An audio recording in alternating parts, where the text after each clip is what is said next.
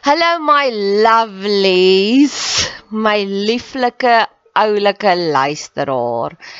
Baie dankie dat jy in jou besige skedule tyd maak vir my. As jy meer inligting wil hê, gaan soek my op Bet Seber op Facebook, TikTok, Instagram, maak kontak as jy wil. Ek hou daarvan om van my luisteraars te hoor en ek het nou onlangs 'n kort videoetjie gemaak van een van my luisteraars hoe sy die mooiste terugvoer gegee het. So wie weet, dalk gebruik ek jou terugvoer ook iewers as 'n leergeleentheid. Net nog 'n bedelaars gedeeltetjie. Ehm um, ek probeer nou om op radiostasies te kom. Soveel mense sê vir my hulle dink dis die pad vorentoe en ek dink dit ook persoonlik. So ek wil iewers graag my eie radioprogram wil hê met hierdie boodskappe van hoop. So luister hierna en as jy voel meer mense moet dalk hiervan hoor, ehm um, ag, doen my 'n guns en stuur dit vir 'n radiostasie. Sê jy luister na hierdie podcast of potgooi en dit inspireer jou so en jy dink ek sal 'n aanwins wees vir hulle. Ek sien in Pretoria gebaseer, so as dit 'n Pretoria Gauteng se radiostasie is, nog beter. So, hierse sê mos jy het nie want jy vra nie, so nou vra ek. Ek het nog 'n uitnodiging wat ek graag aan jou wil voorlê vir die volgende 15 kommentare wat ek kry. Positiewe, uplifting, persoonlike kommentare. So moenie net sê jy het lekker geluister nie. Sê vir my hierdie gedeelte was wat vir jou aangeraak het. Vir die eerste 15 wat 'n kommentaar lewer, sal ek sal ek met jou kontak maak en ek sal 'n podcast net vir jou maak. Ons kan gesels oor 'n probleem in jou lewe, ons kan gesels oor jou drome, ons kan gesels as jy getuienis het, wat ook al. Ons kan 'n onderhoud voer of ek kan dit 'n podcast opdra na jou toe. Ons kan dit anoniem hou of jy kan jou naam noem net soos wat dit jou pas. Jy is welkom om kommentaar te lewer hier op hierdie podcast kanaal, op ons Instagram, op Facebook, op TikTok, ek's oral. Ek sien uit daarna. So daar is hierdie een versie wat vir my koue rillings gee. Dis 'n versie in die begin van Romeine waar hy skryf God sal jou oorgee.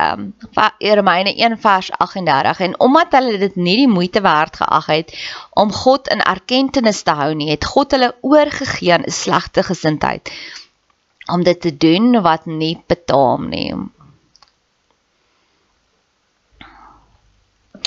So ek het hier een kollega en sy het 'n bloeiende maagsweer. En die eerste keer wat die bloeiende maagsweer kom kuier het, was in Junie maand. En dit was laat op 'n Vrydag aand en sy twee pragtige dogters. Die een is ongelooflik sterk persoonlikheid. Baie sterk persoonlikheid. Die ander een is hierdie bondeltjie liefde, maar as jy dit nie geweet het nie van mense wat bondeltjies liefde is, hulle is gewoonlik die mense wat die seerste kry. So hierdie bonneltjie liefde dogtertjie, meisie, vrou sal elke aand vra ma na pa gaan sê lekker slaap. Of sy by hulle is en of sy by haar boyfriend is. En elke oggend sal sy vir hulle stuur hallo goeiemôre. En sy sê vir hulle ek love julle. En haar post is alles oor familie is die beste. Sy is 'n bonneltjie liefde Ek is haar ma se kollega by die werk. Dis dit. Ek is nie familie nie. Ek is niks besonders in hulle huishouding nie. Sy stuur elke jaar op my verjaarsdag vir my die mooiste boodskap. En ek het vir haar ma gevra, toe sê ek vir haar, "Sê jy vir jou kinders ek dis die dag wanneer tannie Nadia verjaar?" En sy sê, "Nee." Mamma is baie egosentries. Ek het al my sosiale um reminders gaan afstel. Met ander woorde, as jy op Facebook is, gaan jy nie 'n notification kry vandag is my verjaarsdag nie. So net as jy dit onthou en as ek jou gesê daarvan gaan jy weet. Ek het dit gedoen want 1 jaar toe iemand wat ek 20 jaar laas gesien het vir my happy birthday boodskap letterlik happy birthday in 'n bos blomme emoji gestuur. En daai jaar het ek baie boodskappe op oral gekry. En ek het net nie op hulle elkeen individueel gaan antwoord nie. Ek het net soos gestuur dankie. 'n Week later, sy bly in dieselfde dorp as my broer se pa, het sy hom gaan sien as 'n pasiënt. Toe gaan klik sy by hom. Dis hom. Ek het vir Nadia 'n boodskap gesien en sy het nie eers geantwoord nie. Toe bel my broer se pa my en trap my uit om te sê, "Hoe durf jy iemand nie dankie sê vir die boodskap nie?" Dude. Rarig. Wil jy vir my my laat 30 sê hoe ek moet kommunikeer? Toe net daarna toe gaan stel ek al die notifications af. Ek het nooit weer 'n boodskap van haar gekry nie want sy is nie belangrik vir my nie en ek is nie belangrik vir haar nie en dis net maar net dit. Sy het net aandag gesoek. So, om terug te kom by my kollega. Sy het 'n man wat ook lief is vir hom. En laat op 'n Vrydag aand vind die man haar 1:00 2:00 die oggend uitgepaas met bloed oor haar mond langs die badkamer toilet asof daar enige ander toilet is. Die man rush met haar hospitaal ongevalle toe. Hulle dink sy's dood, want sy's unconscious. Toe hulle haar eventually reg gekry het en sy's weer daar, die kinders, veral die kleintjie het massive trauma. Kom die storie uit, sy poef al vir 'n week lank bloed. Sy loop al vir 2 maande met soveel pyn op haar maag en sy het toe nou al vir 'n week of 2 dae lank bloed opgegooi.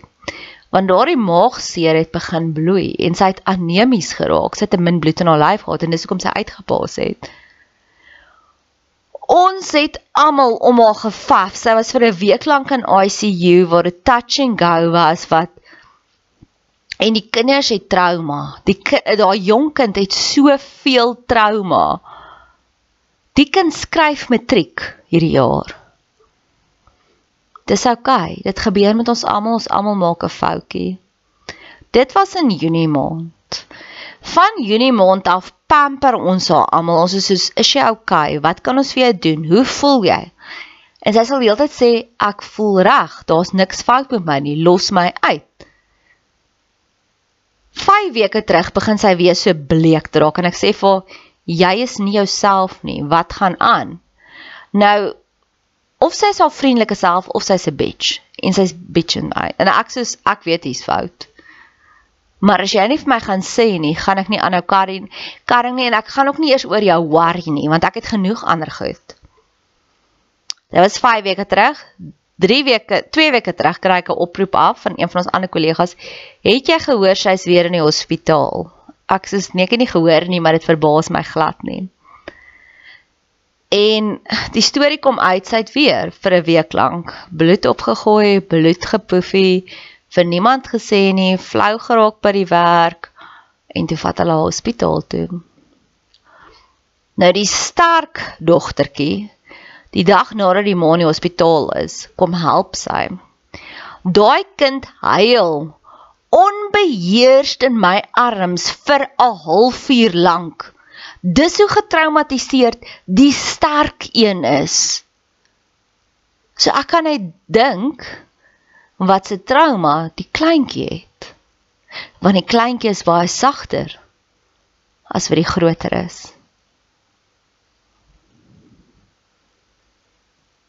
En hoekom ek hierdie hele lang ellendige storie vir jou vertel? Want al sê God, hy gaan jou oorgee aan jou slegte gewoontes. En ek dink dis wat nou daar met haar gebeur het, want sy praat nog steeds nie. Ek dink God gee vir jou geleenthede om te sê kom na my toe, kom na my toe. Ek glo God het vir haar geleenthede gesê om te sê leer om te sê wat jou pla. En letterlik, sy is nou incapable om te sê wat haar pla. 3 dae later toe ek al vir die eerste keer sien terug by die werk. Toe sê ek vir en, hoe voel jy? En haar eerste storie was 'n storie oor hoe die moedernis sy vir haar broer oor Drakensberge. En ek besef, ja, jy is nou by daai punt van jy kan nie meer die trauma verwoord nie. Want vir jare lank het God vir jou 'n stem gegee om te praat en omdat jy nooit daai stem gebruik het nie, daai stem gekalsifiseer. So jy kan nie meer praat nie. Jy is nou incapable om te praat. En ek dink dit is hoekom mense daar ou mense is wat so bitter is. Ou mense wat net nie meer liefde het nie, want vir jare lank het hulle hierdie gratis geskenk gehad en jy het dit nooit gebruik nie. En op 'n stadium kalsifiseer die Here daardie gift. My oupa, oupa dad het op 'n stadium besluit hy's moeg verloop. Toe sit hy homself in 'n rolstoel. En 2 jaar later toe kon hy glad nie meer sy breine gebruik nie. en dis wat gebeur as jy nie dit gaan gebruik nie, gaan jy op 'n stadium kom waar jy dit nie meer kan gebruik nie. En so kom ons by die einde van die jaar. En verlede jaar by ons werkspartytjie vra ek vir almal ons praat oor hierdie jaar. Nou in daardie vriendekring of nie eens daai vriendekring nie, in daardie werkskollegas. Die een het sy ma verloor en finansiëel gaan dit sleg. Die ander een het 'n lang 6 jaar verhouding het beëindig. Die ander een is besig om deur 'n egskeiding te gaan. Plus hy die liefde van sy lewe ontmoet en haar verloor net hulle die verhouding beëindig. En dan die ander twee is maar dat dit net normale weke gehad en dan hierdie een. Ja, sy is deur 'n mediese trauma en dit is haar. En as almal sê ja, hierdie jaar het maar sy op sin sy afs gehad en ek het ook nie ek het ook 'n unieke jaar gehad, maar maar nie so erg as een van hulle nie. En sy hak af en sy sê hierdie is so aaklige jaar gewees. Niks van hierdie jaar was goed nie. En ek besef jy het daardie gift gehad om jou lewe te beplan en omdat jy dit nie beplan het nie, dis wat jy gaan kry. Tesame met dit het ek hierdie oomblik wat ek vir almal vra, wat doen jy die naweek? Nou weer eens, sy het fisies al die voordele. Sy het 'n man en twee dogters en die twee dogters is oulik. Ek meen is maklik om iets lekker te reël vir oor die naweek. En hulle is waarskynlik die rykste. Sy is die rykste nou daar, ja. En almal het soos hierdie plan van hierdie een gaan by hierdie een se tannie kuier en daardie een gaan kaste verf en hierdie een gaan boeremark toe. En sy sê ek het niks om na uit te sien nie.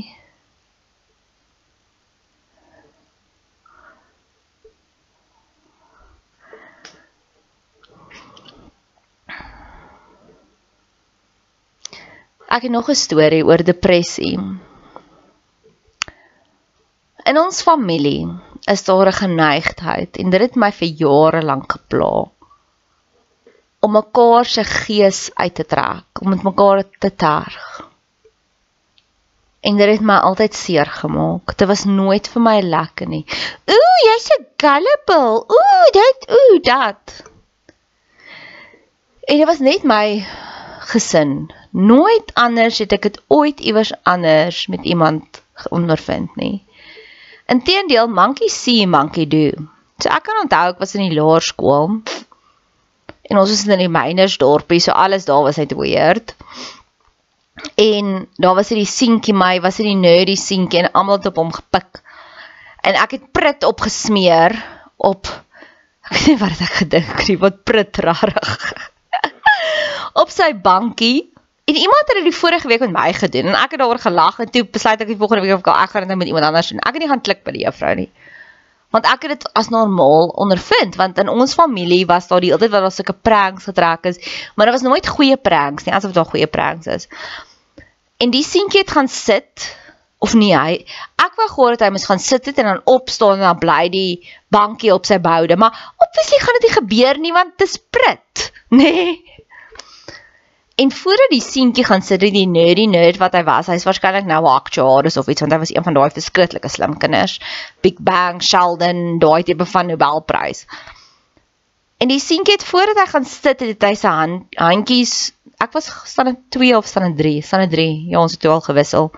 Het hy sy handjies gesit op hierdie houtbank en die taai gevoel En ek en my maatjie wat ek opgestook het om dit saam met te doen, het begin giggel. En hy het gesê julle het iets hier opgesit. En ons het gegiggel. en die seentjie het koelkop gebly weer eens dalk het hy Nobelprys se vrede eventually gewen, wat ook al. Daai kind is intedeel 'n jaar later hy trip Disney World toe gewen. Dit was so cool. En hy het gesê, "Juffrou, hierdie twee meisies hier agter my het iets gedoen op my bank." En die juffrou het dadelik die boelie gedrag gesien, dit geadresseer, "Well done, juffrou." En sy het my en die maatjie gestuur na die skoolhoof toe. Fantastiese oplossing. Ek sal die Here, ek het dit verdien. Dit was die regte manier. En die skoolhoof was hierdie verskriklike kwaai man. Kyk, jy kyk omtrent net vir hom maak jou broek nat van vrees. En uit hierdie tipiese, hy was toe al laat 60 dink ek. Lang oorhare, neushare en wenkbroue gehad, maar die wenkbroue as hy regtig kwaad was, hy was waarskynlik alkolikus ook dink ek, want hy het soms so rooi geword en hierdie ooghare het so verskriklik te mekaar gestaan. So hy was soos regtig waar die Nightmare on Elm Street, regtig. Dit was 'n goeie skool want die skool was kwam. En die skoolhoof het my vir ons, maar waarskynlik vir my want ek het waarskynlik gesê dit was net ek so uitgetrap en hy het gesê hoekom het julle dit gedoen ek sê dit was 'n grappie en hy sê grappies met mense laat maak lag Ek sê maar ek het gelag. Nee, nie net vir jou nie, vir almal. En daai woorde het by my ingesink. Ek het nooit weer so iets aangevang nie. Nooit weer nie. Want dit was 'n boelie gedrag. En prys die Here vir die feit dat ek in 'n huis groot geword het waar daar boelie daar was nie net boelie gedrag nie, boelie gedrag was gecheerlead was ek op daai dag in daai skoolhoof se kantoor en ek het heeltemal opgehou daarmee. Ek het nie heeltemal ek het weer 'n bietjie tandepasta gedoen, maar ek het dit toe nou eventually opgehou daarmee. Maar nou nog sal my familie daai grappies maak en ek enable dit glad nie. Ek sal vir hulle sê ek dink julle snaaks nie en hoekom doen julle dit? Ha ha ha, lighten op. Dis net 'n grappie. Nee, 'n grappie met almal laat maak lag, nie net vir julle nie. So hierdie is boelie gedrag. En ek het altyd gedog is net die een persoon, maar nou kom ek agter is almal behalwe ek. En gister lees hoor ek ietsie in The Mentalist. En 'n sielkundige sê vir iemand anders, sy sê hy, jy weet om sulke belittling jokes te maak is 'n simptoom van depressie. En toe ek dit hoor, toe sê sy ja, Dis hoekom mense dit doen. Dis 'n noodkreet.